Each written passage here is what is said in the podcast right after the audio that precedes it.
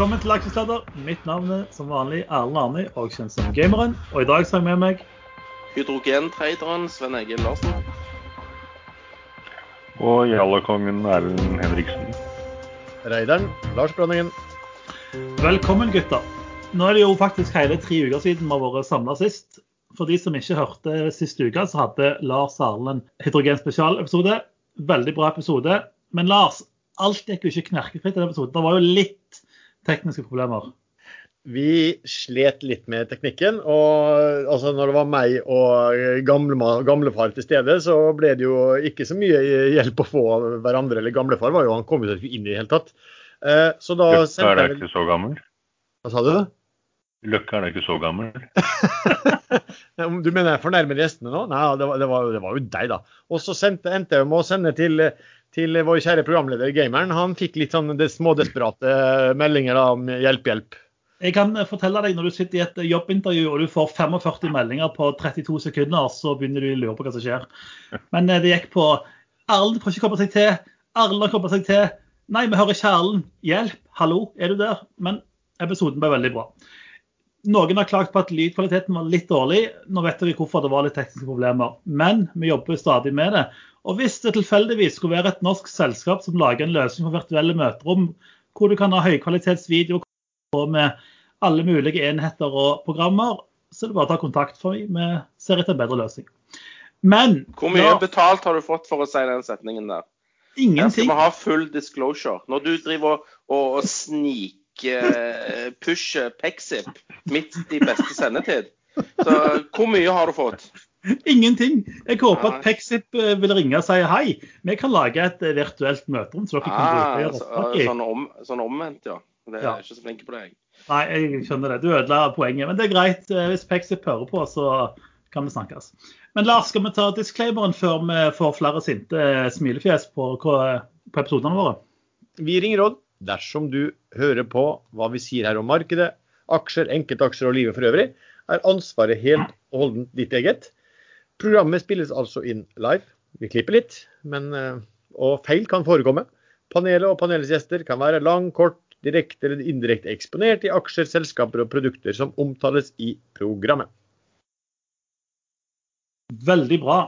I og med at det er tre uker siden vi har eh, prata sist, så lurer jo gjerne lytterne. Sven, hva har du gjort de siste ukene? Uh, ja, jeg har vært med i græla mange sånne IPO-er. Uh, forskjellige grønne selskap som har gått på Merkur. Og et uh, REC-selskap som har uh, henta penger. Og, og, veldig mye av det, da. Så det har vært mye lesing av uh, Ikke så veldig mye de store prospektene, men liksom når kan du handle aksjene, når må du betale og slike ting, og hvor mange ganger overtegna ser han ut til å bli, eh, type info. Så det har vært litt travelt, faktisk. Men det er òg litt gøy. Store spørsmålet er, Har du tjent noe penger på IPO-ene, eller er det på en måte bare, bare så mye IPO-er at eh, aksjene svelges ikke unna? Du må, du må velge de som det står 'multiple times oversubscribed at level'. De kan du kjøpe. De som det bare står eh, 'oversubscribed' på, må du styre unna. Så, så det har gått eh, bra i alle sammen. Så bra. Du da, Erlend, hva har du gjort de siste uka? Jeg har eh, tredet Jalla til den store gullmedaljen. Um, nå, nå, nå kanskje jeg presisere at det var en Jalla kursoppgang og ikke et Jalla selskap. Det er uh, KOA, Kongsberg Automotive. Som jeg følte var ganske slaktet kursmessig på 0,13 etter at de har kvittet seg med mye gjeld ved konvertering eh, i en restrukturering og hentet en milliard, 1,3 milliarder i cash i emisjonen og rep-emisjonen. Um, og så er det en ting til. det er uh, Pga. korona så gikk jo bilmarkedet i hele verden i dass. Både privatbiler og nyttekjøretøyer. Men allerede i juni så begynte det å komme seg kraftig i Kina. Og fulgte opp i Europa og USA utover i august, og nå spesielt i september. Det kom en melding fra Volvo i dag at de har 55% oppgang i salg av nyttekjøretøy, og det er høyere enn september i fjor. Um, så det er ingen tvil om at kundene til Coa gjør det veldig bra akkurat nå. Ehm, nå er det gjerne sånn etter en sånn krise så skal alle presse priser, så man må regne med at de har presset priser. Og det er allerede en lavmarginbransje. Men jeg sliter litt med å tro at bildeler i dag kommer til å fortsette å være en lavmarginbransje. For det er ikke, det er ikke bare noen metalldeler som er klinket sammen, det er high-tech. Drivlinje med stabilitetskontroll osv. De er high-tech, og etter hvert produsentene og nyttebilprodusentene velger det beste og ikke det billigste. Så plutselig så snur Koa til å få marginer, eh, og har i dag lite gjeld. Eh, de har selvfølgelig en bøtte med aksjer, over 10 milliarder aksjer. Eh, men det blir jo da sannsynligvis kjørt en spleis etter hvert, og så blir aksjekursen mer spiselig for mange, og så får man se hvordan det går. Men kursen gikk da fra 0,13 til 0,25. Eh, hvor jeg da selvfølgelig burde kastet ut alt, men jeg så at det var eh, teknisk mulig å gå opp til i hvert fall 0,29, så jeg beholdt alle. Eh, og var med godt under 0,21. Akkurat nå er jeg helt ute, men det er mer trading. Jeg tror den skal ta seg en runde til. Men det er to uker til kvartal tre-rapporten, og den tror jeg kan bli ganske bra. Og jeg tror de får gode valutaeffekter pga. norske kronesvekkelsen. Og de kan komme til å guide kvartal fire veldig godt. Men det negative er jo at Europa nå begynner å stenge ned igjen. Så får man se om det blir nedstengning også av biltrafikk, eller om det kun blir lokalt i noen byer og litt her og der. Ikke som sist. 0,18 ca. er kursen nå. Det mener jeg er relativt god risk-reward. Det er ikke så veldig stor nedside lenger. Selv om emisjonen var på 10 øre. Det, de har hatt mange uker og måneder på å selge seg ut, de som ville ut. Det er jo bare 18 øre nedside, så det er ikke så mye. Nei. Og det ja, ikke sånn. Ja. Du, skulle, du, skulle, egentlig bare fortelle om siste uke, men nå har du svart på de ti gode spørsmålene som kommer nå, så det var egentlig ganske greit. Eh, Lars, eh, hvordan har eh, de uka vært? Nå var jo du på, på lufta sist, sist, helg, men eh, hva har du gjort på de siste to ukene? Jeg tror jeg sa sist gang at uh, min plan har vært å gå mye cash rundt uh, når jeg nærmer presidentvalget. Så det har jeg gått ut av en del posisjoner. Men så uh, har jeg ligget i skjult og prøvd å plukke eh, aksjer i ett selskap. Endte opp med å få en del, og så kom plutselig liksom katta ut av sekken. da, Folk begynte å se på aksjonærlisten. Jeg tror jeg var kommet inn på topp ti der eller et eller annet sånt. Og så ble det en del spørsmål, og så ja, begynte den kursen å gå ganske mye før jeg hadde fått kjøpt alt som jeg ville ha. Men jeg fikk ganske mye. Snakker vi nå eh, Champagnesvenn-aksjen? Vi snakker om uh, Ja. For de som ikke tok referansen, så var, var Sven i Dagens Næringsliv, og der var det bilder av Sven med champagnen. Altså champagnesvenn. Et åtte år gammelt bilde. Jeg, tenker, Har ikke du oppdatert eh, Dagens Næringsliv sitt bildearkiv? Nei, jeg driver ikke og sender inn bilder av meg sjøl eh, til vilt fremmede. Eh, det slutta vi med for lenge siden. Okay. Syns det, var, det var et fint bilde, Sven. Du så liksom så skikkelig ut og sto der i et rent og pent på kjøkkenet. Det er vel der du tilbringer mesteparten av tiden uansett, ikke det? det? nei, det er i sofaen, faktisk. men, kan, man, kan, man om hva, hva, kan man spørre om hva slags bilder du sendte til fremmede før du sluttet med det?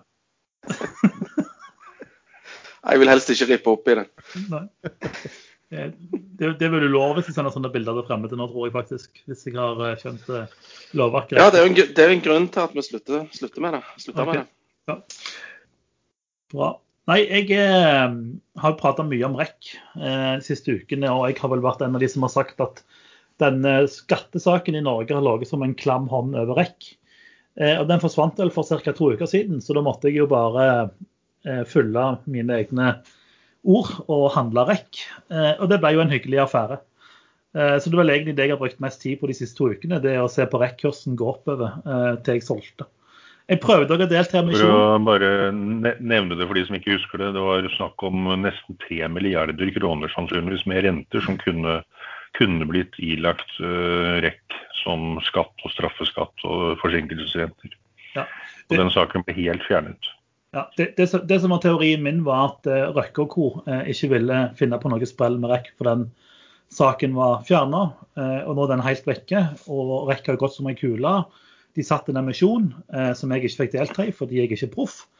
Eh, men sånn er livet. Eh, Men, men, men, men, spoler du litt tilbake, så, så det som REC gjorde, det var jo helt etter læreboka eh, hvordan du skal sette en emisjon. Altså, eh, Først bli kvitt den skattesaken, sende to bullmeldinger om noen fabrikker bort i statene. Folk hiver seg på, aksjen går bananas. Vent noen dager, la det liksom trekke inn i sausen. Og så kjører du emisjon. Og så gir du aksjer til de proffe som har peiling, og så lar du de som ikke er proffe, ikke få aksjer. Sånn at de kjøper på børs etterpå. Det er et helt fantastisk opplegg. Men, men faktisk så jeg var jeg litt overraska, for jeg forventa å komme mer analyser. Eh, og det kom vel kun to analyser. Var det ikke bare Kepler og Arctic som var ute med analyse? Altså Pareto har jo òg dekning av REC, men de har ikke oppdatert analysen sin før emisjonen. Jeg vet ikke om de har lov til det, for det har gått en viss periode etter den emisjonen igjen. Ja, sånn, ja. Jo, men de hadde ikke Pareto skrev at de skulle oppdatere etter eh, neste kvartalstall, var det vel? I forbindelse med. Ja, det, det, skrev, det skrev de forrige gang, men det er jo mange uker siden. Det var jo før all moroa startet, REC. Eh, SEB kom vel ut med også en, de kom vel ut med en på et par og 20, men jeg vet ikke om de ble med i konsortiet. Og Sparebanken 1, som har vært sånn veldig pessimistisk, de gikk vel opp, og det hadde vel vært og hatt kursmål 1. Eh, de sa vel at nå var vel eh, fair verdi i forhold til de rundt 11 kroner. Men eh, en annen ting som jeg faktisk er litt imponert over med REC og emisjonssaken deres, de kjører jo en rep-emisjon som Jeg husker jo den, den må vedtas på EGF først, men det de har gjort, er at alle som får aksjer i denne rep-emisjonen, de får ikke aksjer i eh, rep-emisjonen. Så det betyr jo at faktisk de småsparerne som eide aksjer 14.10, de får jo en større pott da, eh, hvis, enn de ville fått hvis på en måte alle de store selskapene som allerede har fått i den retta eh, for aksjer. Og jeg syns det er litt kult. Eller Ja, men det er, sånn, det, det er sånn, sånn blir det alltid gjort. Så nå er det noen som ikke har fulgt med. Nei, jeg har sett emisjoner hvor det ikke har skjedd. Ja, Det er helt vanlig at de som får det? ikke får lov å være med i rep-emisjonen. OK. Nei, jeg bare, det kan være de svenske emisjonene som er kjipe. Men jeg syns iallfall det er ganske jeg, synes, altså, jeg er helt enig med Sven at det, altså, REC har gjort alt riktig. Eh, de, er, de, er, de er et bra eksempel i forhold til en, en del andre selskaper vi har sett i de siste ukene. Riktig. Der sa du det. Man kan jo, man kan jo legge til at REC også løste skattesakene i USA, eh, som var på var vel drøye 9 millioner dollar som de skyldte i skatt, og så var det ca. det samme i renter. Og det var vel rentene som ble slettet nå, var det ikke det? Rundt 100 millioner kroner. Jeg er usikker på om det er løst. Så det vil si at eh, ja, alt som på en måte har tynga Eller flere av de store tingene som har tynga REC, er vekke. Så jeg, eh, jeg syns det er kult. Jeg. Det, man kan jo si at Røkke var, var, var god med timingen på å komme inn i rekk, men jeg mistenker jo at gjerne han og folk hans har vært med på det som, det som skjer nå, da, at det ikke har skjedd av seg sjøl. Ja, det er jo sånn Når skattesaken nå plutselig er løst, så, så er den enkleste logikken bak det at uh, Jens Ulltveit Moe han hadde ikke råd til å pushe på skattemyndighetene for å få den løst. Uh, han var redd for konsekvensene hvis de tapte. Mens Røkke eh, tok tyren ved hornet og har sikkert kjørt sitt advokatkobbel opp mot skatteetaten og bedt om en løsning. Og den endte i full favør til REC. Så kan man si at i forhold til de avtalene og nå var det vel ikke noe, Jeg vet ikke hvor, akkurat hvor bindende de avtalene var. eh, Om de var type sånn intensjoner eller vi skal bygge en fabrikk sammen. Men vi har ikke besluttet kanskje veldig mye av det. Men det, det er jo ikke noe tvil om at altså så, hvis man ser på da REC som motpart fra en annen stor industriell aktør, så er det jo mye mer betryggende at de har fått Aker inn som største aksjonær. Da, da, da, har du måte, da har du å gjøre med et selskap som du kanskje ikke tviler på så lenger kan være aktøren som kan gjøre de investeringene som kreves lengre. Ja, så har man jo på en måte så har man jo også alle støttefunksjonene som ligger i Aker-systemet. Sånn som Erlend nevner, man kan anta at uh, Røkke sitt juridiske system har, har bidratt for å løse en skattesak som har ligget som en, en klabbehånd over selskapet. Så det er jo på en måte en fordel å ha en eier som på en måte ikke sitter og har utfordringer med likviditeten, som eh, Ja. den for, forrige gjerne hadde. Ja, da. Men- og, og, og bare nevne også at øverste sjef da, i, i um, Aker er jo han, hva heter han, Øyvind, heter han Øystein eller Øyvind Eriksen? Husker ikke helt. Høy, ja. Øyvind Eriksen. Ja. Han kommer jo fra bar. altså Han er jo, han er jo forretningsadvokat, da, for å si det sånn. Så eh, han vet nok hvordan han skulle angrepe dette her. Han er sykt flink å prate. eh, som ikke bør være en overraskelse. Men jeg har vært på noen eh, saker hvor han har prata, og det er ganske kult å høre på. Nå har dere holdt på i en evighet om dette rekkgreiene. OK, Sven. Du, Nei, jeg bare, jeg bare tøyser. Jeg bare tøyser. Kjør på. Nei, det, du snakker om mer. at okay, Nei, nå nå er vi ferdig med rekk. Du eh, Var det, ny, var det ny rekord, Sven? Det var mye riktig i hvert fall. Ja, Her blir det klipping, hører jeg. Nei, dette var bra, Lars. Nå kan du bare slutte med saksa di. Men Sven, eh, vi snakket om at det som er i eh, hvert fall sikkert, er at eh, hvis det skattekravet hadde faktisk blitt gjeldende, da hadde det gått rett i rektum. Å, jeg skulle dra en vits om det, men, eh, men, eh, men Rekt. OK, greit. Lars, nå kan du finne fram saksa di. Men OK, skal vi snakke om noen som flyr høyt for tida? Eh, det ryktes om noen eh, SAS-greier i Danmark eh, som gjerne ikke var så høytflytende. Det kan du snakke om, Sven. Ja, eh, i går på kveldstid så kom det inn en litt fortvila som eh, Jeg tror det er en småsparer. La oss kalle han en småsparer. Men han hadde kjøpt seg én million eh, tegningsretter i SAS da, i Danmark, fordi de lå på ca. 0,01 øre, eller eh, hva søren, da. Eh, Men eh, Eller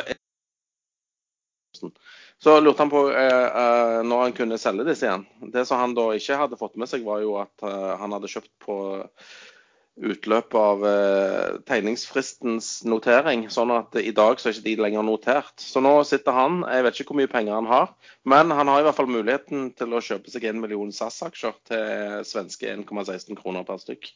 Så jeg håper han benytter muligheten og er med å redde eh, et fint flyselskap. Fikk du med deg at eh, hvis du har SAS-aksjer for eh, Nei, hvis du har over 100 000 SAS- SAS-aksjer, så får du gullkort? 5. Eh, OK, det visste jeg ikke. Nei, de deler ut 5000 gullkort. Og hvis du har over en million SAS-aksjer, så får du diamantkort. Så Ja, det det er kanskje, bare, det er bare 1,1 million kroner, da. så det er jeg kan- faktisk den dyreste har- måten å få gullkort på. Ha, jeg, med, jeg har jo den obligasjonen. Jeg får 970 000 eh, SAS-aksjer. Hvor mange måtte jeg ha? En million? Ja. Åh, oh, jeg må Men, kjøpe eh, 30 000. Du kan, eh, det som er tingen da, Hvis du har diamantkort, så kan du gi vekk et gullkort. Såkalt gavegull. Og hvis du har eh, det her overdiamant, så kan du gi vekk et diamant. Det koster bare 15 000 for et gavediamantkort, så det er gjerne billigere å kjøpe det på et av flyformene enn å sitte med en million SAS-aksjer. Ja, men jeg får jo 970 000 i konverteringen. Så kjøper du 30 000 til, og så har du et gull-diamantkort. Ja. Men du må holde de så lenge. Det er det som er drit. Ja det, det, Du må ha det til november. Du vil vel dumpe de ut eh, dagen før du får de helst. eh, helst litt før noteringa. Ja. Eh, så det er en dårlig Jeg har ikke akkurat en uh, trade her. Jeg solgte, uh, solgte en tredjedel av Endur som jeg kjøpte på 1,22. De så solgte akkurat på 1,90. Men jeg er litt skuffa. Det, det sa ikke pling eller kashing eller noe i bakgrunnen. du, du må gjøre noe med, med lydbildet ditt. Nei, jeg må jobbe med det. Jobbe med det. Beklager. Men, men Sven, husk at Erlend ikke klarer å logge seg på aksjesladder uten hjelp, så jeg tror det er for mye å be om. Nei, jeg, jeg, jeg syns det er fantastisk at han i det, hele tatt, i det hele tatt er i stand til å kjøpe og selge aksjer. Og i tillegg tjene penger på det. Jeg er sikker på at han ringer inn, jeg. Ringer inn til meglerbordet. Hallo? Hallo? Ha, ja. Eh, Det er det du sier når du ringer nå, ja.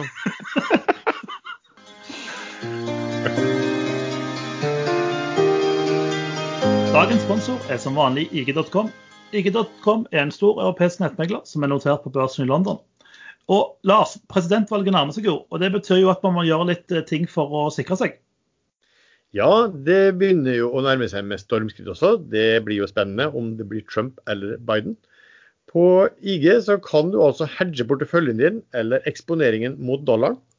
Eh, Du kan også da få beskjed når markedene beveger seg ved å stille inn kursvarsler før, i løpet av og etter valget. Du kan plassere garanterte stoppordre for å begrense risikoen din. Og du kan være klar til å gå long eller short når mulighetene oppstår, selv i helgene. IG tilbyr bl.a. både euro mot eh, dollar og Wall i helgene, slik at du også kan utligne risikoer når volatiliteten inntreffer. Og hvis du ønsker å bli kunde hos IG.com, så kan du følge linken som ligger i beskrivelsen av podkasten. Vi har fått mye spørsmål rundt ESG-aksjer om dagen. Eh, og det er flere som lurer på er nærmer seg ESG-bobla, eller er dette på en måte framtida? Hva, hva tenker panelet, rett og slett? Vi kan begynne med Sven, siden han eh, var så lystig i dag. Jeg er alltid lystig, skal jeg si deg. Men uh, uh, Nei, jeg, jeg, jeg tror vi er i begynnelsen, jeg. Jeg tror dette kan vare en god stund. Dette, dette er jo gøy.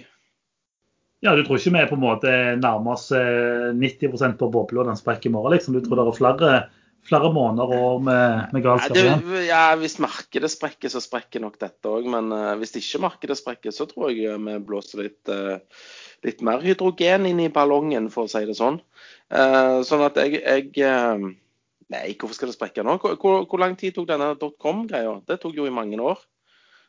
Ja, for det er jo .com mange sammenligner med, er på en måte ESG det nye Ja, ja, ja. ja, ja det er selvfølgelig det det. Men, altså, de børsnoterer jo ting som aldri skulle vært på børs. eh. Eh, så, og, og det kommer jo bare nye og nye selskaper eh, som absolutt ikke skulle vært på børs.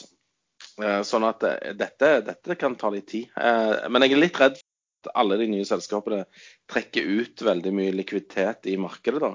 Sånn at ja, børsnotering kan sikkert gå bra, men annenhåndsomsetningen der etter hvert kommer nok til å tørke inn i mange av disse nye selskapene. Men nå kommer det en ny tradingplattform som skal koble hele eh, systemet, i hvert fall systemet til de som tok over børsen. Hva heter det igjen? Eh, franske Euronext. Euronext. Euronext, ja, eller et eller annet.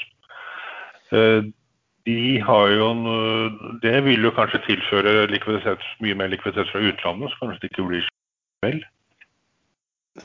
Altså, jeg er jo litt om det bobler. Ja, altså noen er bobler og noen ikke. Eh, litt der som, som Sven sier, at nå kommer jo veldig mye stormende mot børs. Uh, Meglerhusene har masse cases, og de skal hentes penger hele tiden. Så det er vel det ja, selvfølgelig hvis markedet begynner å, begynner å smelle, så får jo de, mange av disse her eh, et eh, problem.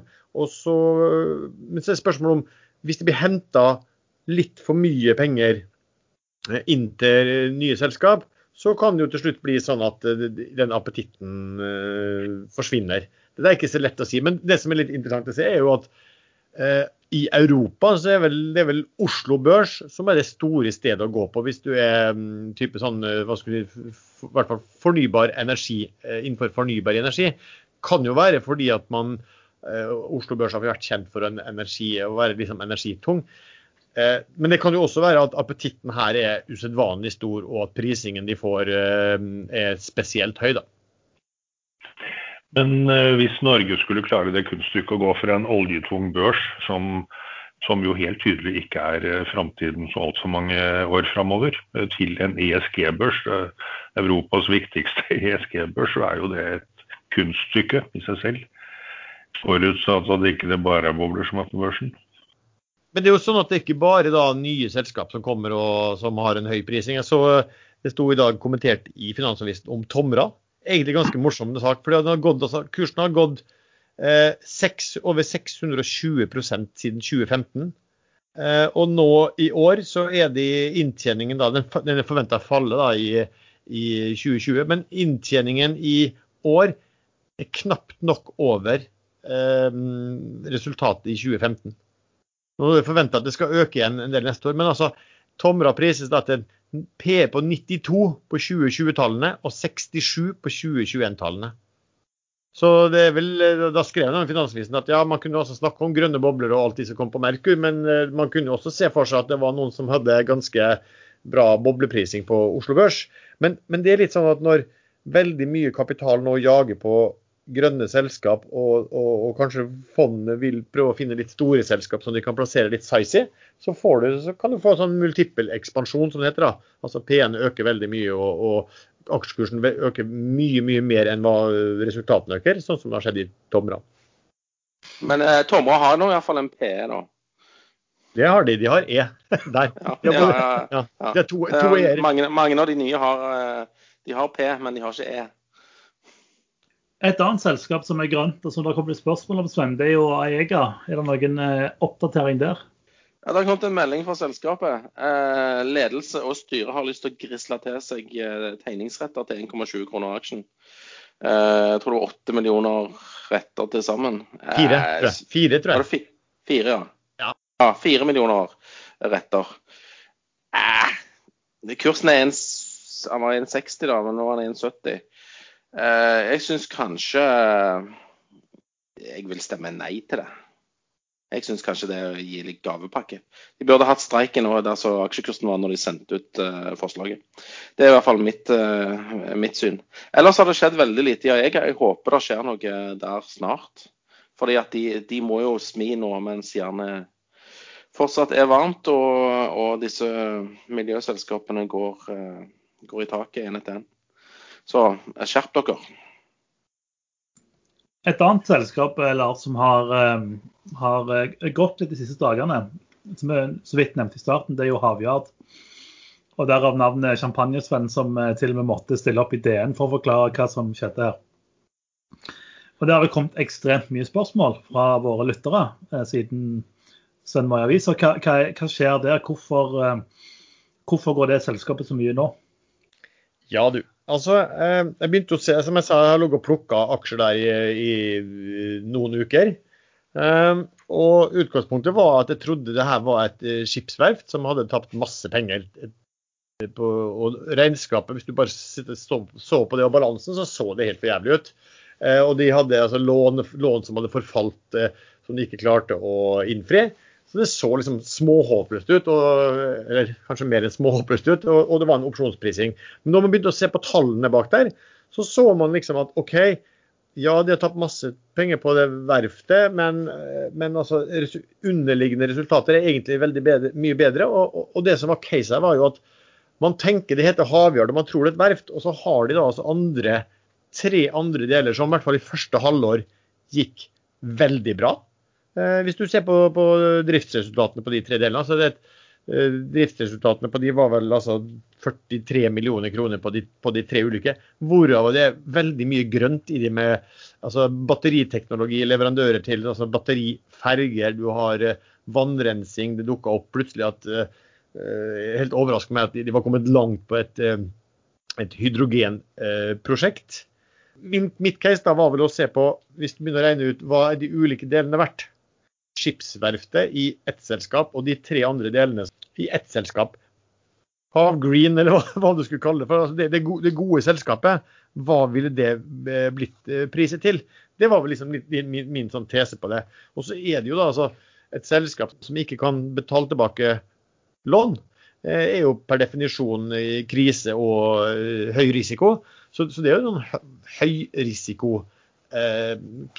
Men der jeg så at hvis ting begynner, de, Hvis de får til en del ting, eh, gjør ting på en del smart måte, og markedet framfor alt begynner å se hva er det faktisk disse holder på med, så uh, var vel min tese at da kunne den uh, aksjekursen gå ganske voldsomt.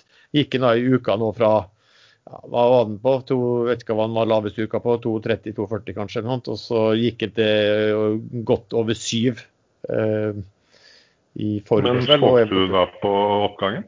Jeg har ikke solgt noen ting, nei. Nei, ikke sant. Uh, Det tyder, jo, det tyder jo på at man har litt troa på det man gjør. Nå, nå har jo Lars eh, Altså, eh, analytikere er jo udugelige, eh, egentlig. Eh, og de gjør jo ikke noe før de får eh, beskjed fra corporate at nå må du lage en analyse her, for nå skal vi snart hente penger. Eh, og, og Lars har jo gjort eh, jobben her eh, for eh, corporate-avdelingene rundt forbi nå. Så, så nå er det jo bare Altså, Lars har jo analysert dette her. Og hvis da eh, um, Havyard er lure, så ser de hvordan REC eh, løste dette her. REC var jo òg i deep shit helt til Røkke kom, uh, og de henta penger og alt det. Havyard, hvis de gjør det samme nå, synliggjør den grønne biten sin med så og så mye årlig omsetning Hvor mye årlig omsetning er det de har, Lars? Jeg har glemt ut tallet. Ja, hvis du, hvis du begynner hvis du plukker de tre andre delene, det er jo ikke alt av det som er grønt, men en del av det, eh, så er det vel oppimot, eh, oppimot 900 millioner i omsetning på Ja, de det- tre gode, gode delene, hvis du kaller de det. Men uansett, da. Hvis de bare ser, synliggjør den grønne biten, eh, og så eh, sender ut noen meldinger om eh, på, hva de holder på med, og så eh, samarbeid med meglerhus, hente penger, så er det, det låneforfall-greiene det, det er løst på null komma. I hvert fall i dagens marked. Det, men det er klart at hvis du, hvis du er i en takt det, altså det, det, som er Problemet er at hvis du bare ser på et halvt år, og det har vært mye rart på regnskapene og bytting her, og alt der, så, hvis, og det er bare å se på et halvt år og, og gange det med to og tre, at det er liksom den vanlige takt du er på, det er vanskelig å se. Men altså eh, de tre områdene leverer da omregnet på et år 86 millioner kroner i, i driftsresultat. Ikke EBITA som analytikerne liker å bruke, for der ligger det en, en god del høyere enn det også så, så er jo dette her, burde det kunne være et selskap som har veldig, veldig livets kraft se. Men så er det at de er fortsatt knytta sammen. Da. Det er et konsern, og det ligger fortsatt noen bindinger inn mot, uh, mot uh, verftet. Så, så, man trenger at verftet, de, de, prosjektene de har nå, at de håndteres bra. Og så er nok det sjansen for at de klarer det, nok rimelig stor. fordi at de seks båtene de har nå å bygge på, de er uh, type design som de har bygget før. Og Det er jo det som ofte skjer på verftene. ikke sant? De begynner å bygge nye typer, eh, og så bommer de totalt. Og så, og, så må jeg bare nevne altså, det, det, som var, også var litt, når jeg begynte å grave litt i det Det starta med at jeg så at de hadde noe som heter Norwegian Green Tech, som da var mm, rensing av ballastvann, og som hadde vokst veldig fra, på halvåret. Altså de hadde dobla omsetningen sin fra halvåret i fjor og var oppe på 42 millioner, og så hadde de 7 millioner i driftsresultat. Eh, og det så veldig godt ut. Men da jeg begynte å se på det, så hadde de plutselig så jeg at oi, de her var jo kommet kjempelangt på utvikling av system for bruk av hydrogen i marinesektoren. Um, og for de som har hørt på forrige temapodkasten vår, med, der hun, Birgit Lioden var til stede, så sa jo hun at hun trodde hydrogen bruk, til bruk innenfor marine sektor ville være det store for hydrogen. Eh, så disse her har jo, altså Havøl har da kommet så langt at de har, eh, er, på, er på vei inn nå i en godkjenningsfase på det. De har fått over 100 millioner kroner i støtte fra noe som det Pilot er, som er altså Forskningsråd Enova og Innovasjons Norge, og er i kompaniskap da med PowerCell og Linde på det. Så Det de har sagt tidligere, er vel at de forventer seg å ha en sånn approval in principle eh, innen utgangen av 2020. TK 2020 ble jo notert ganske nylig.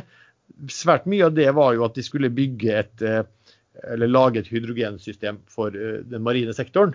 Eh, og så ser det jo da også ut sånn veldig overraskende at Havyard kan ha kommet veldig langt på området. Ja, jeg, jeg, må, jeg må, bare spørre spørsmål først, hvis jeg får lov. Eh, det at hun tror at uh, maritim sektor kommer til å bli veldig drivende for dette hydrogengreiene, er det fordi at mest sannsynlig så ligger båten langt ute til havs hvis det, hvis det smeller? det, det, det, vet, det, vet, jeg jo ikke om, om de gjør. Det vil jo være en fordel, da, istedenfor at du står i et parkeringshus en eller annen plass på Sola. du, du, må jo ha sånne ladestasjoner til havs, da. Det står sånn. Bygge om, bygge, flytende ladestasjon. Bygge om riggen til Ja, bygge om plattformen. Ja, så det sånn. Tenk så mye batterier du får plass til på eller sånne greier du får plass til på en, en det er jo sånn, gassturbiner, på, det er gassturbiner, så de bare pumper opp gass og produserer strøm, og så lader du batteriene. Nå har vi funnet på noe helt nytt forretningsområde her for bruk av de der boreriggene. Ja. Det, kommer en, det kommer en IPO i dette her nå. Ja, Vi må drøye til mandag med å skrive ja. ned noen sånne Nei, vi må jo være klar, vi må være klar til mandag. Det, vi går live mandag. Ja, ja, vi må jobbe i helga. Ja. Det, blir, det, det, blir, faktisk, men det blir ikke sånn pre-IPO. Jeg er litt usikker på hvor mange milliarder det blir, men det blir i hvert fall veldig hyggelig eh, pris. Ja.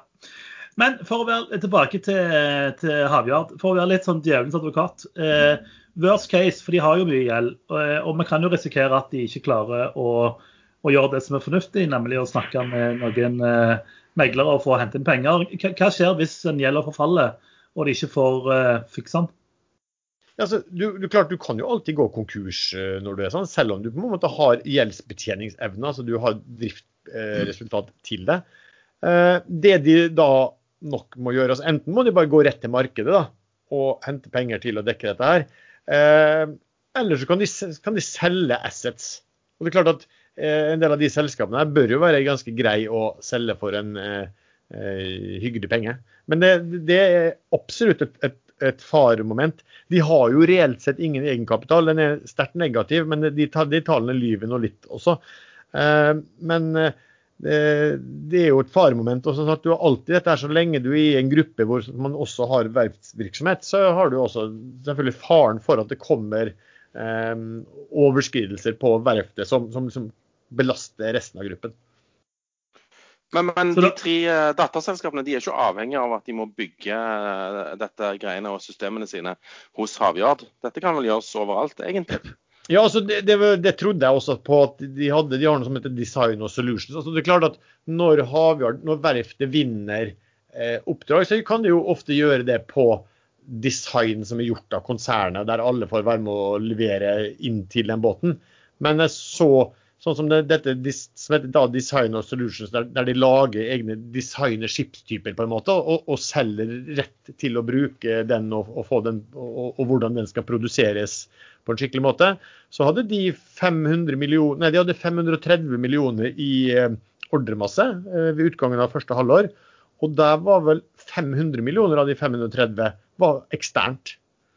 Um, så, så, det er vel også budskapet når jeg har vært i kontakt med selskapet, er jo at disse andre områdene skal stå helt fint på egne ben. Men kan de, altså hvis, eh, hvis, gjelder, altså hvis de ikke klarer å betjene gjeld og moderselskapet, kan det velte de tre egentlig ganske lukrative Ja. ja. For jeg, altså, no, no, no, altså, jeg syns jo Havjord er en kul case. og jeg har vært heldig og fått trade den denne uka eh, til, fra seks til syv kroner noen ganger opp og ned. Men, eh, men, eh, det er jo en spennende case, men det er jo en ganske stor risiko sånn, egentlig, selv om en del av selskapene deres er ganske lukrative. Eller er jeg på jordet?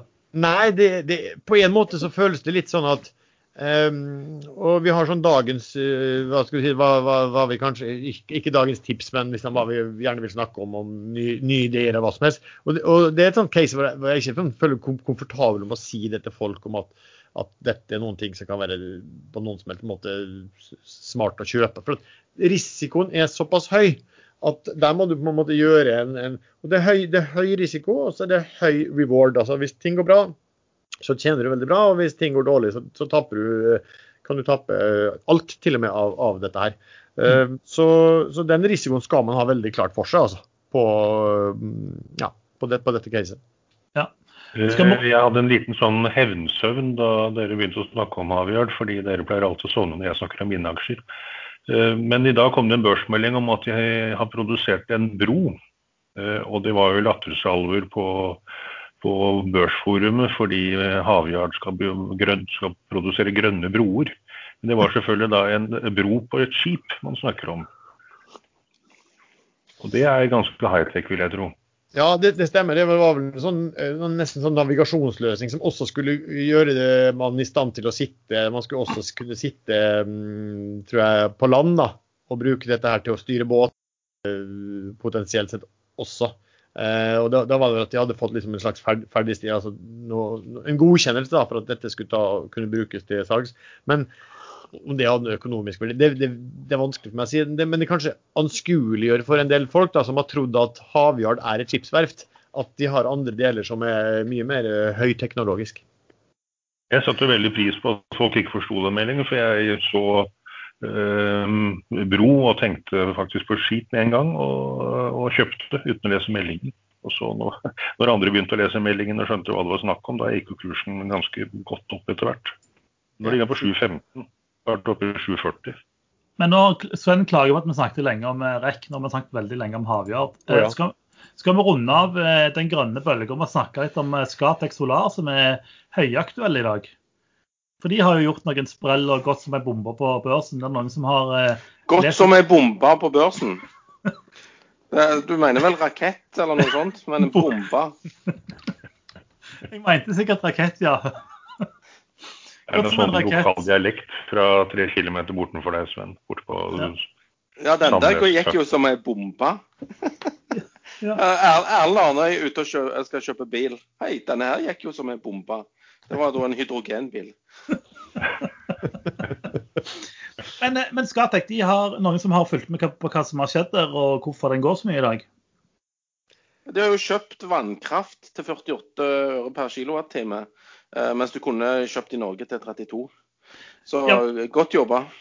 For, for det, det, der er du inne på essensen, Sven. Fordi i Norge omsetter man vannkraft eh, til 36 øre, eller 38? Nei, 32, sa jeg. 32, eh, og de har kjøpt det til 48 i utlandet, som er egentlig grov overpris, eller dyr pris. Og så har aksjen gått som et uvær. Og det er vel eh, Det er vel på en måte definisjonen på boble, er det ikke det? Når, de, når de kjøper vannkraft i Indonesia, da er det vel fordi de skal produsere noen av i Indonesia med helt andre, andre lønninger, er det ikke det? De kjøper ikke kraft i Indonesia for å bruke i Norge. Jeg har, jeg har, Jeg vet ikke. Jeg har, Ikke satt, jeg har ikke satt meg inn der i det hele tatt. Jeg ser bare at han, han eh, Robert Robert Ness ja. ja, han, skri, han skriver det at, at, at kursoppgangen i dag i, på Scatec Solar er liksom eh, 70 opp fra kjøpsprisen. Da. Det vil si at man antar liksom at det, det kjøpet de gjør som er stort, umiddelbart skal ha 70 høyere verdi. Eh, Det så var noen sånn analytikere som sa at å, det, her var, det her var veldig smart fordi at ja, det hadde noe med, litt med, med risikoen. Du bredder deg til litt ulike områder eh, også. Eh, og det kan godt være det, det blir en del sånne hensyn også, at du, du kanskje får en ja, bedre balansert du, du går fra bare sol til også involvert i, eh, i vannkraft. Men det, Men, det sto ingenting om, om, om, de økonom, om, om, liksom, om det var et godt kjøp økonomisk sett. Det, Men da Equinor kjøpte seg en i, i Scatec på høyt 20-tallet, 27-28 eller hva det var, eh, da ble jo det kritisert for å være et kjøp for alt, altfor dyrt kjøp. Og det er eh, tigangeren siden. Det har gått tigangeren etter det. nei, kjøpte ikke de den på eh, 90 eller noe sånt? da? Var det så høyt? da? Det, er mulig at jeg bommer der, men, eh, men et eller annet sted i området der uansett minimum gått eh, tregangeren. Um, Ja, Så det å kritisere andre for å mm, kjøpe for dyrt, det skal man være litt forsiktig med innimellom. Det. Se på Tomra. Den har jo vært for dyr i fem år. Den går jo bare går og går. Noe mer eh, grønt vi skal nevne før vi hopper over til noe mer spennende? Jo, Lars, vet du hva? Vi har jo fått, eh, vi har fått noen grønne spørsmål om Agilex, Agilux. Eh, men det skal vi ikke svare på nå, fordi det skjer noe den 22. oktober. Ja, det stemmer. Altså, Ekstrainvestor har jo en eh, presentasjonsløsning for børsnoterte selskap. Der vi kjører live eh, på Facebook i gruppen Børsforum, og også på Ekstrainvestors side på Facebook. Eh, Agryx de kommer nå på torsdag førstkommende klokken 14. Da kommer CEO Tim Stedman og CFO Russ Main til Ekstrainvestor for å presentere Agryx, og så svare på spørsmål om selskapet. Eh, Den som blir moderator, det er Carnegies analytiker Mikkel Nyholm Smedseng. Eh, Agryx ble jo notert ganske nylig på Market 30.9. Uh, og har en markedsverdi nå på 2 milliarder. Eh, og de driver også med ja, markedsleder hva de kaller det, innen avansert resirkulering av plastavfall, avfall, som vanligvis er vanskelig å resirkulere. Eh, så ja, hvis du hører på dette her, eh, det er før torsdag, og da kan du sende inn, og du har spørsmål, så kan du sende inn spørsmål som vi kan få stilt for deg til info.ekstrainvestor.com. Men jeg tror det blir eh, veldig interessant eh, event som da er åpen for alle, der man kan ja, høre hva de holder på med og hva de svarer på um, ulike spørsmål. Kommer de til å snakke engelsk? Yes, Må du sende inn spørsmål på engelsk, eller driver du og oversetter spørsmålene? I can translate, yes. Du, jeg, ville, jeg, jeg vet ikke om på en måte engelsken din Sven, er verst, eller oversettelsen til Lars.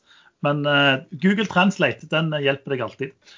Eh, bare en liten avrunding av eh, det grønne temaet før vi hopper videre. Eh, vi har jo en ivrig lytter, Fredrik Lund, som har pratet om Skana nå i ukevis og spurt om vi kan prate om dem. og vi har vel egentlig bare avfeid den som Skana er ikke noe vi vil høre på.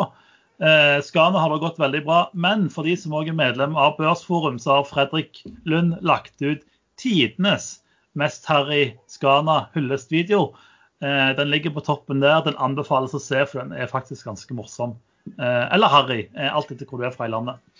Så det var dagens eh, Skana- Skana-melding. Vi har fått en del eh, spørsmål om gaming òg. Og siden jeg tross alt er eh, gameren i panelet, så må vi jo prate litt om det. Eh, Første spørsmålet går jo på eh, 5PG, eller Fifth Planet Games, som hadde en eh, presentasjon her eh, for noen uker siden. Eh, litt uheldig av prestasjonen midt på dagen når børsen er åpen, eh, som alle fikk oppleve. fordi eh, når de da skulle legge ned en tittel, så bomba kursen. Og så kom det gode nyheter om en annen tittel, så gikk kursen opp. Men det mange lurer på er litt hva, hva syns jeg om prestasjonen og hva syns jeg om infoen som kom. Jeg likte veldig godt prestasjonen. Problemet til Fifth Planet er at de har ingen stor eier. De er på en måte stuck med masse småeiere. Eh, og Det krever at de er litt mer åpne om hva de gjør. Eh, jeg syns de var ganske åpne. Eh, de fortalte veldig bra om pipen videre og finansiering av den pipen, som er fullfinansiert.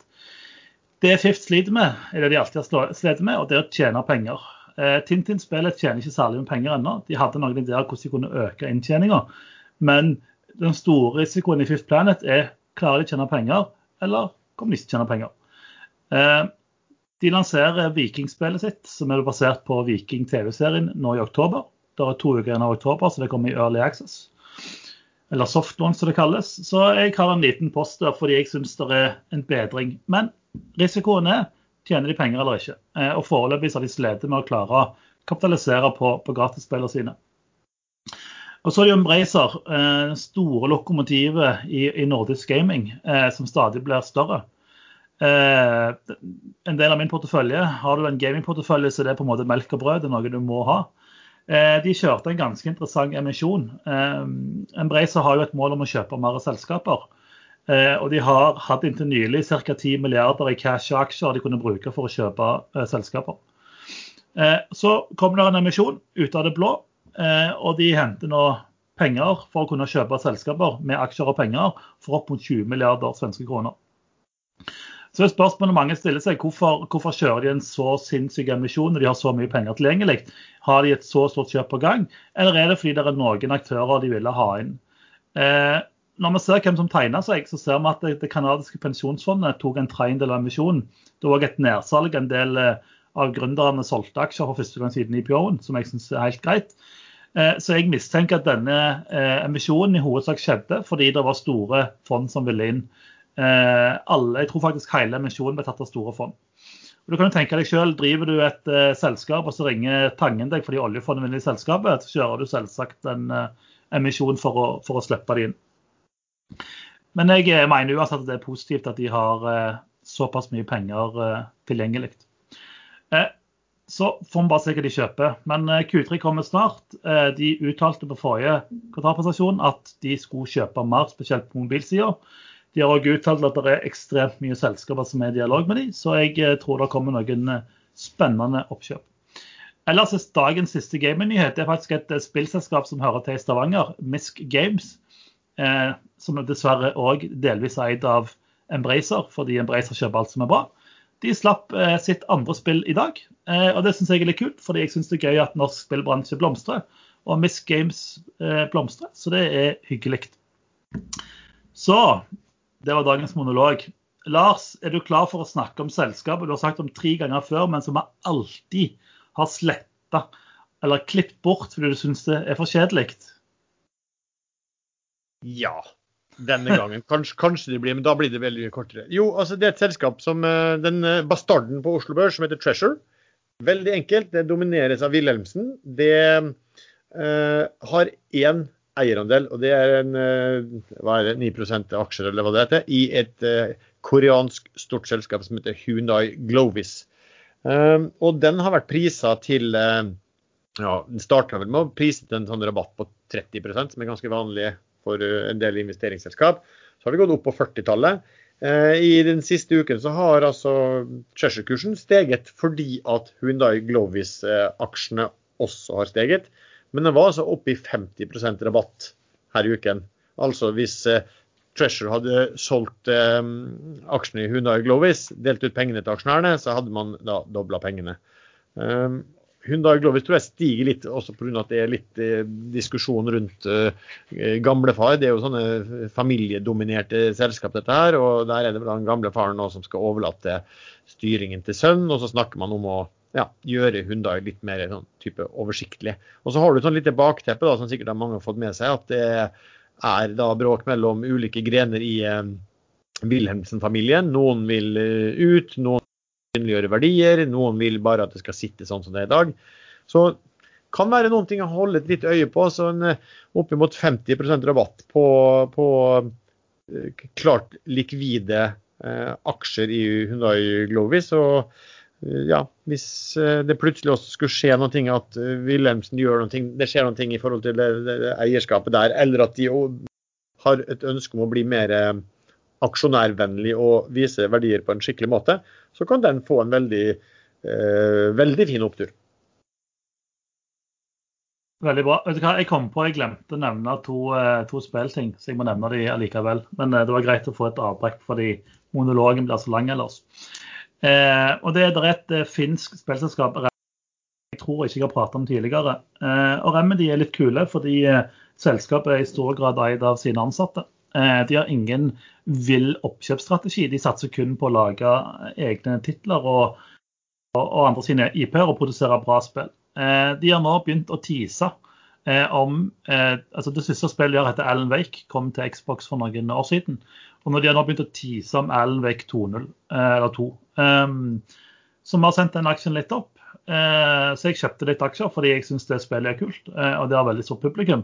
Eh, og I tillegg så er prisingen ganske lav i forhold til hvis man sammenligner på en del av disse litt jalla eh, svenske spillselskapene. Eh, da tenker jeg på Enad Global Stil, som jeg har snakket om før, som nå har en helt ekstrem prising. Men òg Sordix, som faktisk slapp et spill i går som eh, hadde tre simultane spillere. For det kan du måle i forhold til ting.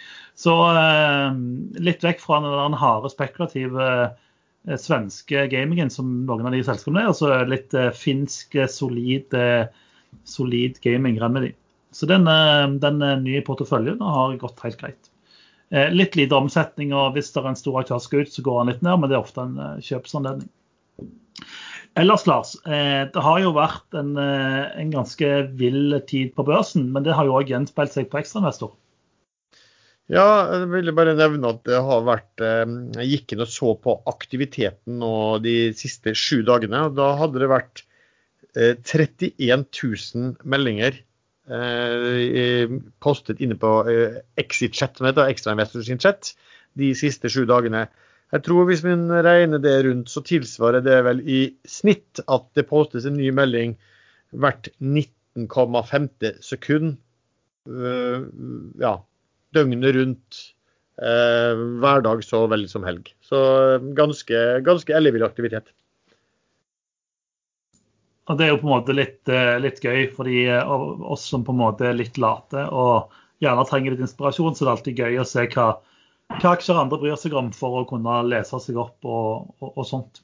Noe annet vi bør prate om? Nei, Jeg må snakke, snakke bitte litt om Icefish Farms. Det kan vi godt eh, gjøre. Den har vi kjørt mye om. Sånn. Nei, uh, og der er jo min kollega fra Sandnes, Ulfhuset, som jeg kaller han. Eh, han har gjort en ny, eh, ny, oppdatering på den. Fordi at Det som skjer, det er at det er, det er sonderinger mellom NTS, som er majoritetseier i eh, Icefish Farms, og uh, NRS, Norwegian Royal Salmon. Og, og, de skal kanskje slå sammen Midtnorsk havbruk med, med, med, NRS. da. Og Hvis det skjer, så får du en ganske stor, stort lakseselskap der eh, Litt av clouet er at eh, NTS har Icefish Farm, og nest største aksjonær i NRS, Masøval, de eier hele lakser som er i nabofjorden der oppe på Island.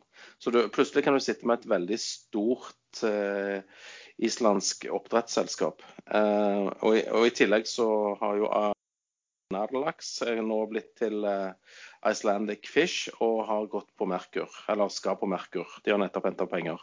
Så det kommer nok til å bli enda mer fokus på islandsk laks framover. Bare til å ha den i kikkerten. Har du ennå islandsk eh, laks i portisen, eller har du tatt Nei, jeg så, jeg så det i går, faktisk. Fordi Dagsen eh, ramla 3% så da tenkte jeg nei, nå skal vel alt til helvete igjen. Men det skulle det ikke. Det var en, en finte som jeg gikk på. Så jeg er litt sur i dag, da. Men jeg, jeg tror fortsatt at den der Icefish Farm er, er, bra å ha, da. Det er folk som har spurt litt om eh, verdi eh, versus eh, vekstaksjer. Eh, hva, hva syns vi om det ene og det andre? Nei, eh, differansen mellom eh, vekst og verdi har aldri vært så høyt som nå. Så en eller annen gang så kommer det til å snu. Og da skal du altså kjøpe verdi og selge vekst. Men kan ikke du fortelle, bare eh, definere hva, hva sånn at folk skjønner hva, hva mener vi når man snakker om verdi, og, og hva mener vi når man snakker om vekst? Nei, i korte trekk så er verdiaksjer eh, aksjer du kan regne på som gir en stabil avkastning på kapitalen sin, mens eh, vekstselskaper er, type, er type teknologiaksjer som, som, vokser veldig fort, men der inntjeningen eh, ikke står i forhold til prisingen av selskapet. Sånn at type oljeselskaper og holdt på å si forsikringsselskap, banker etc. vil falle inn under verdi, mens Facebook, eh, Tesla og den gjengen vil være eh, vekstaksjer. Mm. Eller Nell fra hjemlige trakter. Eller Nell. Ikke sant. Så, Fordi at de, de, de, må på en måte De må også vokse mye for å um, ja, til, tilfredsstille den, den uh, verdisettingen som de allerede har. Og så er det implisitt at de, de, skal fortsette å vokse ganske mye. ikke sant? Jo, men med, null rente så vil jo eh, dette ta litt tid. Det er ikke før renten går litt opp at uh, du vil få det skiftet fra, fra, verdi, nei, fra vekst til verdi. Tror jeg, da. Du, Sven, eh, en aksje vi ikke har snakket om ennå, som det har vært sykt mye skriverier om, er jo Goodtech, Hospitalen har handla som en full sjømann. Har du sett noe på den? Jeg har sett litt på han tidligere. Eh, det var òg min gode venn fra Sandnes, Ulf Huse. Ulf Huse, som jeg kaller han. Eh, han eh, gjorde en research på den òg, og det var ned på 7-8 kroner. Så aksjen Jeg var med litt fra der og opp mot 10 kroner. Og så kom jo godeste venn Øystein Spetalen og, og tok en post på 7-8 var det vel. Og da gikk jo aksjen eh, bananas opp til hvor, hvor, langt var det gikk? 15?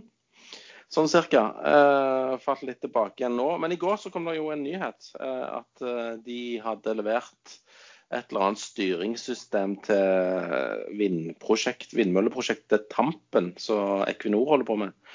Eh, altså, jeg tror ikke det er noe Jeg vet ikke hva de har levert, men det vet kanskje noen av dere. Men uansett, da. De klarte jo søren ikke å børsmelde den nyheten engang. De la kun ut eh, en liten nyhet på hjemmesiden sin. Men der var det jo noe som plukket opp, da, og aksjen gikk fra 12 til 15 i går òg. Og nå er, tilbake på, nei, øh, nå er den tilbake på 12,80. Så det er volatil sak. Eh, det er vel litt av det samme som Havjard, bare at eh, jeg føler det er mer potensiell i Havyard enn Goodtech. da. Men de har jo noen grønne ting på, på Åland som de driver og renser noe vann for noen kommuner og noe greier. Så det, vi kan vel definere det som en miljøaksje. Kan for lite om selskapet, rett og slett. De driver litt sånn hva skal si, bygging av prosessanlegg for bedrifter. De har litt sånn robotisering for bedrifter. Og så har de også eh, ja, bygge sånne biogassanlegg de kan gjøre. og så og så har de også type vannrensing som de bygger av typisk sånn kommunalt. Eh, og så var det jo problemet med, med, med denne vannrensingen at det, det, har jo ikke vært noe særlig å tjene på det. Altså, det er tunge prosjekter å selge til kommuner. Og så hadde de et prosjekt tror jeg var nede i Kristiansand som gikk så dårlig at de måtte slå det selskapet konkurs. Eh, og så starta de straks opp igjen da, med blanke ark på, på dette vannrenseanlegget i, på Åland og bygde oppover. Og så fikk de nå en ganske stor eh, ordre der. Og da gikk jo flere av disse som sitter i styret, eh, gikk inn og kjøpte aksjer. Og så kom da vel om det var samme dagen eller dagen etterpå også Øystein Spetalen inn og kjøpte. Og Her har det vært snakk om at Goodtech har jo eh, spennende og miljøområder. Eh, og når man har sett liksom, altså litt på hvordan Wow har utvikla seg, når, når de har snakket om hva de kan levere, så har det vært liksom naturlig å tenke at Goodtech skulle gjøre det også. Eh, men nå tror jeg de har fått fart, og jeg tror det at de fikk en såpass stor vannkontrakt, tror jeg har gjort at eh, altså styr, de, de, sentrale aktørene ser at nå begynner det å bli områder som er store nok til at vi kan skille det ut i, i egne selskap. Så det er jeg ganske sikker på at det, det skjer. og Spetalen han tok 7 Nå er, nå er det ikke store selskap, da, så det er jo et lite beløp eh, for han. Han fikk også følge av broren sin om hva, hva, de tenker da, hvor lenge de skal sitte, eller om dette er en litt treid på at dette selskapet skal skal splittes og få en bedre verdi på i hvert fall på den miljøbiten sin, det, det, vet jeg ikke. Men jeg er ganske sikker på at her kommer det en, et splitt i det selskapet der. Erlend, hvordan ser koronavaksinelandskapet ut som panelets koronaekspert? Nei, det, det, ser faktisk akkurat sånn ut som eh, de som kan dette sa allerede i januar-februar og fortsatt å si utover mot sommeren og etter sommeren, at uh, dette tar tid. Det skal testes grundig. Uh, det er vel to eller tre vaksineforsøk av de som har kommet lengst, som har hatt såkalte pauser.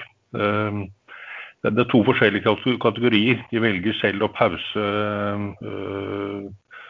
testfasen fordi de ser en reaksjon hos en pasient som ikke skulle være der, og så må de finne ut hva det var. Det andre er hvis myndighetene går ut og sier at de setter eh, forsøket på hold, eller det er sikkert et annet uttrykk for det. Ja, det tar mye lengre tid. For da må man dokumentere veldig mye overfor myndighetene før man får lov å sette i gang. Eh, dette er helt normalt, og det er ikke noe å bry seg om. Men det viser jo bare galskapen i det Trump og Putin og disse andre holder på med når de pusher vaksiner ut på markedet som ikke er testet ferdig. Eh, man risikerer å få en killer-vaksine ut i markedet, og da sliter verden. Så det tar tid. Det kommer til å komme vaksiner, men det som er spørsmålet er jo hvor høy virkningsgrad de får. Og der sier også de fleste ekspertene, fordi begrunnet med at koronaviruset er veldig vanskelig, det muterer, muterer veldig mye, veldig ofte, eh, at de kanskje får en virkningsgrad på pluss-minus 60% og Da blir det egentlig som en standard eh, influensavaksine hvert år at det har en dekning på mellom 60 og 90 avhengig av hvor heldige de var på treff på den, det årets vaksine. Så korona må vi nok leve lenge med. Og da kan jeg gå rett videre til uh, mitt tips for denne uken, som noe man vet opp, noe man kan følge med på, det er Bergen Bio. De nevnte jeg her første gang da de var på under 16 kroner. Uh, I fjor på denne tiden var det vel. Og De hadde noen opp- og nedturer, og så kom det plutselig en melding om at de skulle bruke kreftmedisinen sin Bemsentinib, som ennå ikke er ferdig utforsket, men som de i hvert fall vet er veldig sikker. Den er På safety er den eh, blant de beste i klassen, ingen bivirkninger. Eh, I et stort forsøk i London, i UK, eh, i UK, ikke London, for å se om den kan fungere godt som en medisin mot uh, covid. Mot uh, de, ikke de helt alvorligste tilfellene, men der hvor man ligger på sykehus og man risikerer å havne på en ICU-plass. Um, det forsøket i UK ble avbrutt uh, etter at det hadde tatt mye lengre tid enn markedet trodde, fordi det var uh, så få syke i UK i sommer at det ikke var nok pasienter. Men så meldte de plutselig da etter sommeren at de Eh, hadde fått noen kontakter i et annet land, og det viste seg at det var Sør-Afrika og India, eh, hvor de kjører nå to forsøk, akkurat samme type forsøk på samme bensintinib, for å se om det virker funker godt nok. Og I tillegg så kom da UK tilbake, eh, og de satte i gang, de reaktiverte den avbrutte studien der og kunne bruke resultatene som de allerede hadde fått. Eh, så det jeg tror er at denne gangen vil komme resultater mye fortere. Nå er det tre store land på tre forskjellige kontinenter som tester ut eh, Bergen Bios eh, potensielle medisin mot covid. Og det kan bli en game changer både for selskapet og for verden. Remdesivir, som har blitt slått stort opp og var en av Trumps favoritter, eh, det har vist seg eh, nå i en gigantisk WHO-undersøkelse at det funker ikke. Eh, det er bortimot ubetydelig, hvis i det hele tatt, at det hjelper. Så da forsvant for så vidt en konkurrent til Bergen Bio. Hvis Bio funker, så vil tilgangen til markedet være mye enklere. Og Hvis de får det inn som en sånn såkalt uh, grunn, grunnbehandling, at uh, alle som blir syke får det som medisin uh, øyeblikkelig, i hvert fall hvis de kommer opp i et visst stadie i sykdommen, så er det markedet så sinnssykt at kursen kan gå helt veggimellom. Nå ligger den og vaker rundt 30 kroner. De hentet inn penger på 37,50. Eh, og det var ikke noe problem. Og aksjonærlisten på topp 50 den er ekstremt stabil. Bortsett fra to selgere har jeg funnet ut nå, eh, som fra slutten av september har begynt å lempe ut aksjer. Og Det er to fond. Det ene er Gambak-fondet. Eh, Alfred Berg Norge. Det er vel ikke Gambak? Det, nei, det er ikke Alfred Berg et lite øyeblikk. Jo, Alfred Berg Gamba. De har solgt 150 000-200 000 aksjer i uken de siste tre ukene, blir det vel. Var, hadde 3 millioner aksjer, nå er det 2,5 millioner igjen. Så hvis de skal helt ut, så tar det litt tid. Og Så er det ett fond til, og det er land, det kommunal landspensjonskasse. De har solgt seg ned fra 1 million til i går sto det 137 000 igjen på listen. Og i dag har kursen falt ganske umotivert en krone fra toppen nesten. Sånn jevnt utover hele dagen. Og det kan tyde på at den landspensjonskassen de skal nå ut før helgen.